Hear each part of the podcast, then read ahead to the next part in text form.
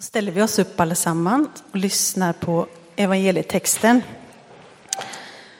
eh, som idag är hämtad från Markus 14, vers 3-9 och sidan 719 om ni har de församlingsbiblarna. Kvinna med balsamflaskan handlar det om.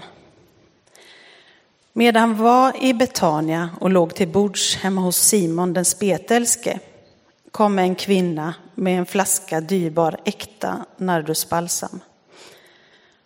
Hon bröt upp flaskan och hällde ut allt sammans över hans huvud. Några blev förargade och sa till varandra, vilket slöseri med balsam. För den oljan hade man kunnat få mer än 300 denarer att ge åt de fattiga. Och de grälade på henne. Men Jesus sa, Låt henne vara. Varför gör ni henne ledsen? Hon har gjort en god gärning mot mig. De fattiga har ni alltid hos er och de kan ni göra gott mot när ni vill. Men mig har ni inte alltid. Hon har gjort vad hon kunde. I förväg har hon sörjt för att min kropp blev smord till begravningen. Sannerligen, överallt i världen där evangeliet förkunnas ska man också berätta vad hon gjorde och komma ihåg henne. Så lyder det heliga evangeliet. Lovad vare du, Kristus. Idag är det internationella kvinnodagen. Och det känns bara så rätt att i dagens predikan lyfta fram en målmedveten och modig kvinna från Bibeln. För det finns så många kvinnor i historien vars berättelser inte har blivit berättade. Så många kvinnor som faktiskt påverkat historien men som inte har fått någon uppmärksamhet för det. Och jag har länge följt Instagramkontot Dagens Dam. Eh, jag vet inte om det är någon som följer det. Men varje dag tecknar Maria Persson ett kvinnoporträtt och en liten text om vad den här personen har fått betyda för sin tid och i sitt alldeles speciella sammanhang. Det är väldigt inspirerande om man förstår att tänk så mycket som har hänt i historien som man inte har uppmärksammat. Så kolla in den och bli lite inspirerad. Jag tänker att eftersom det är kvinnodagen så kan väl de här kvinnorna få vara här under gudstjänsten och liksom uppfordrande titta ner på oss. Det är väl okej? Okay? Så vi tar inte bort den här bilden. Kvinnan i dagens berättelse, dagens dam om man så vill, blev inte en bortglömd historia. Jesus säger ju i slutet av evangelietexten, sannerligen överallt i världen där evangeliet förkunnas ska man också berätta vad hon gjorde och komma ihåg henne. Och det är på många sätt en förundlig berättelse vi får möta idag. Det är berättelsen om en kvinna som hade varit med om någonting alldeles speciellt i sitt liv. Redan innan hon hällde olja över Jesus den här dagen så hade hon varit med om något speciellt.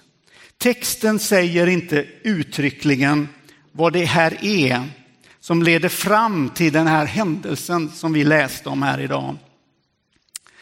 När hon kommer till Jesus med sin djupaste tacksamhet. Kanske hade hon dagen innan hört Jesus tala, kanske lite på avstånd och fått känna hur hennes inre brunn hade börjat flöda igen. Det hade börjat väckas en längtan.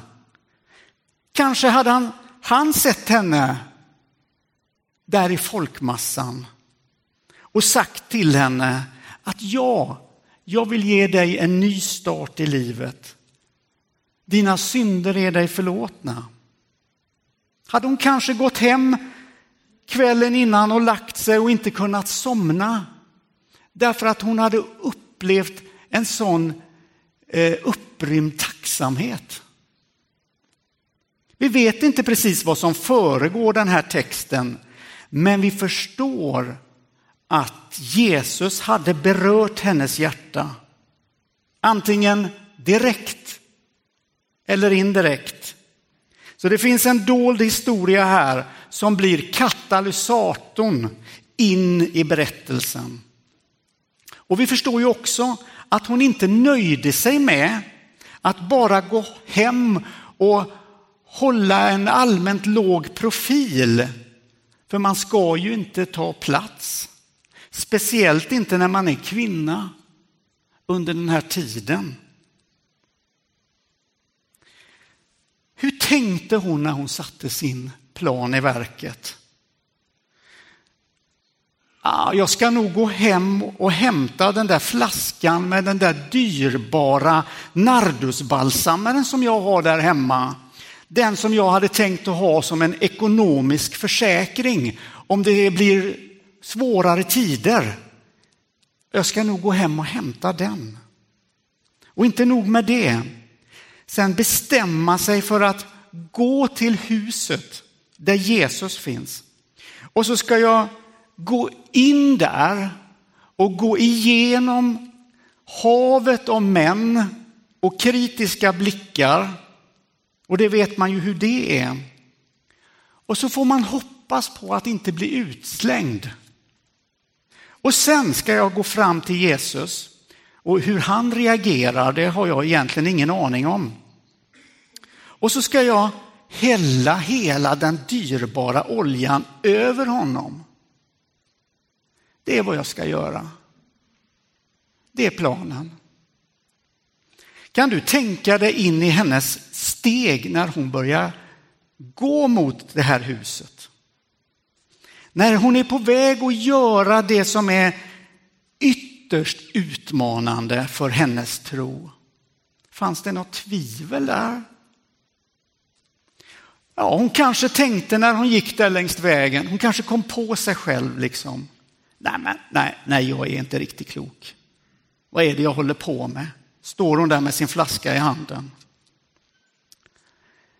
Kanske fanns det en annan röst inom henne som sa något annat.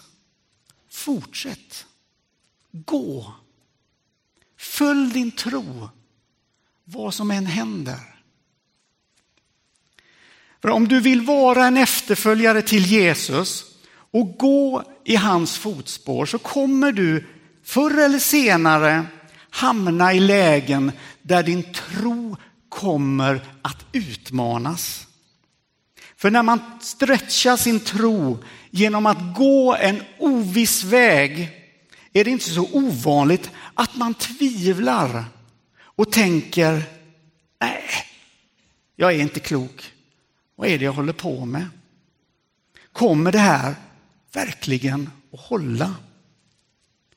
Men om du lyssnar djupt in i dig själv så kanske du hör hedens röst som säger Fortsätt.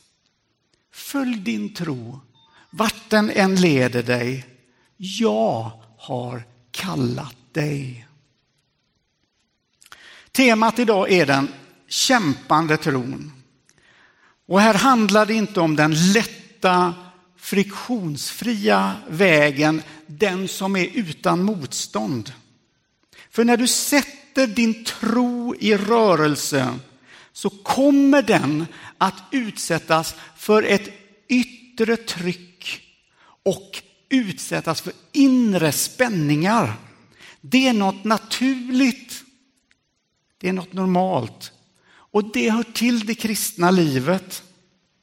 Trons inre spänningar har med vår personlighet att göra och då inte minst alla våra spretiga känslor. För vi är ju människor och inga robotar. Och när tron spänner inifrån så tänker vi, kommer jag orka gå den här vägen? Vad ska jag göra av alla mina rädslor? mina tvivel?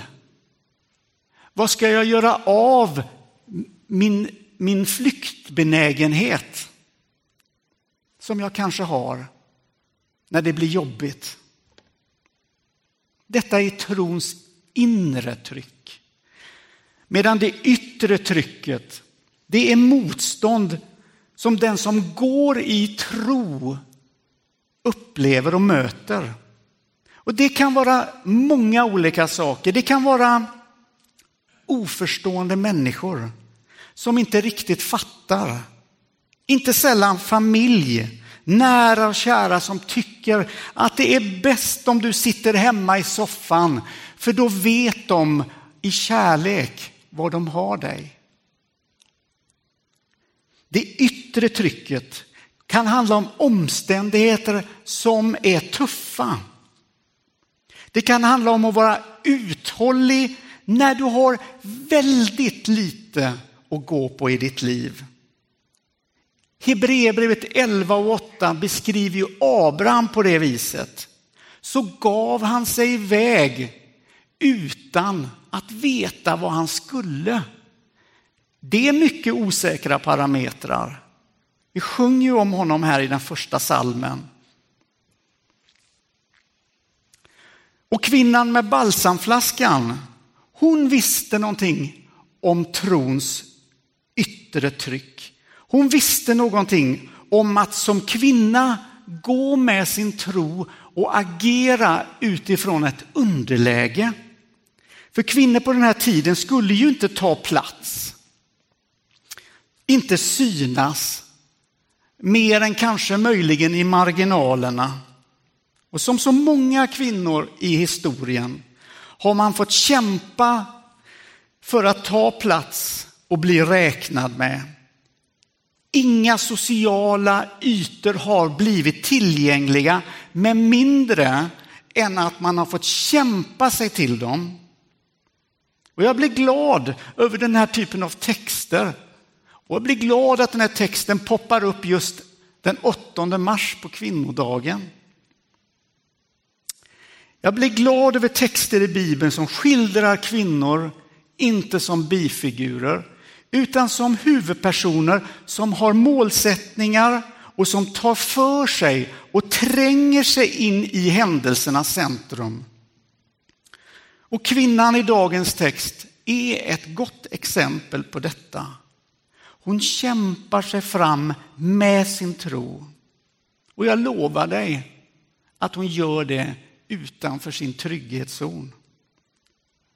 För hon visste ju väldigt lite om hur detta skulle gå, men det hindrar henne inte. Är du en kristen som tänker att det normala är att tillbringa all din vakna tid i din trygghetszon? Och till varje pris försöka undvika att hamna i lägen där tron utsätts för inre spänningar och yttre tryck. Då kanske det är dags att fundera vad det betyder för dig att leva i Jesu fotspår. Vad får det egentligen kosta dig? Det är en nyttig självreflektion.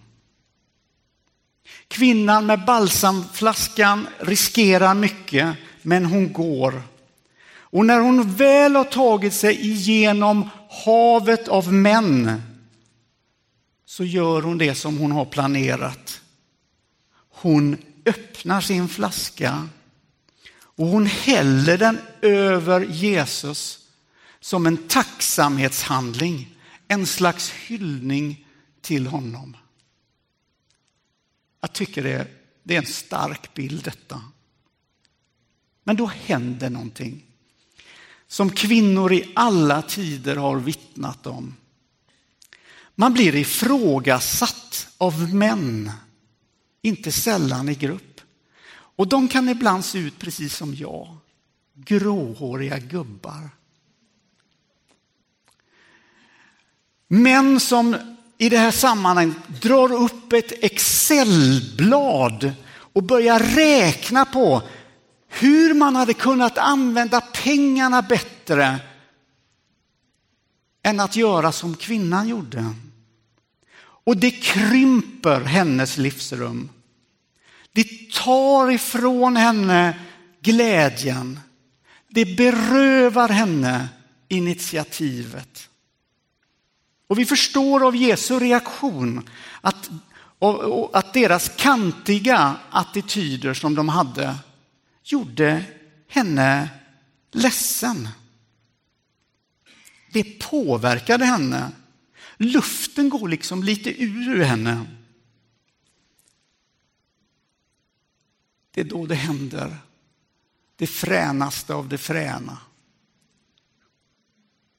Då tar Jesus henne i försvar inför alla dessa män. Han står upp för kvinnans rätt att uppta just den här sociala ytan med sin dyrbara flaska och sin djupa tacksamhet. Och Jesus vänder sig till männen och säger, låt henne vara. Varför gör ni henne ledsen? Hon har gjort en god gärning mot mig. Jag tycker bara att detta är så vackert. Och jag tror att Jesus i den här berättelsen också står upp för alla kvinnor som har blivit undanskuffade, förminskade och tystade. Men texten, den har också ett budskap till oss som lever här och nu och som på olika sätt kämpar i vår tro. Som tycker att vägen är både utmanande och svår. Den säger någonting till dig som är här idag och som i din tacksamhet funderar på hur ska jag ge tillbaka av det som jag har fått? Hur ska jag kunna ge vidare av det som jag har fått av Jesus? Och det, texten säger också någonting till dig som är här idag och som känner att du är på den där platsen, den här orosplatsen, där det är osäkert. Jesus har din rygg. Jesus har din rygg. Varför skulle inte Jesus backa upp dig som han backade upp kvinnan i texten? Varför skulle han inte stå upp för din rätt och uppta just den sociala yta där du befinner dig just nu? Varför skulle han inte ta dig i försvar? Skulle Jesus vara annorlunda idag om man jämför med då? Nej, det är inte troligt. Så när du kommer fram till honom så tar han emot dig precis som han tog emot kvinnan med flaskan.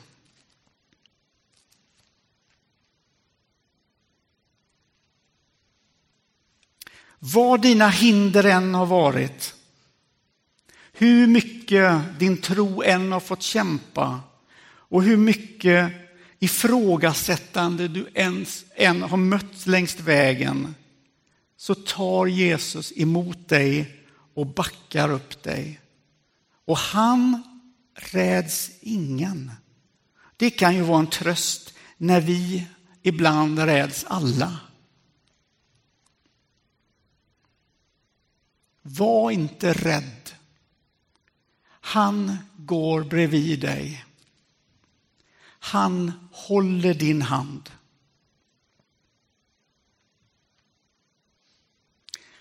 Här i hans famn kan du våga tro. Sänk dina murar. Jag ger dig ro. Amen.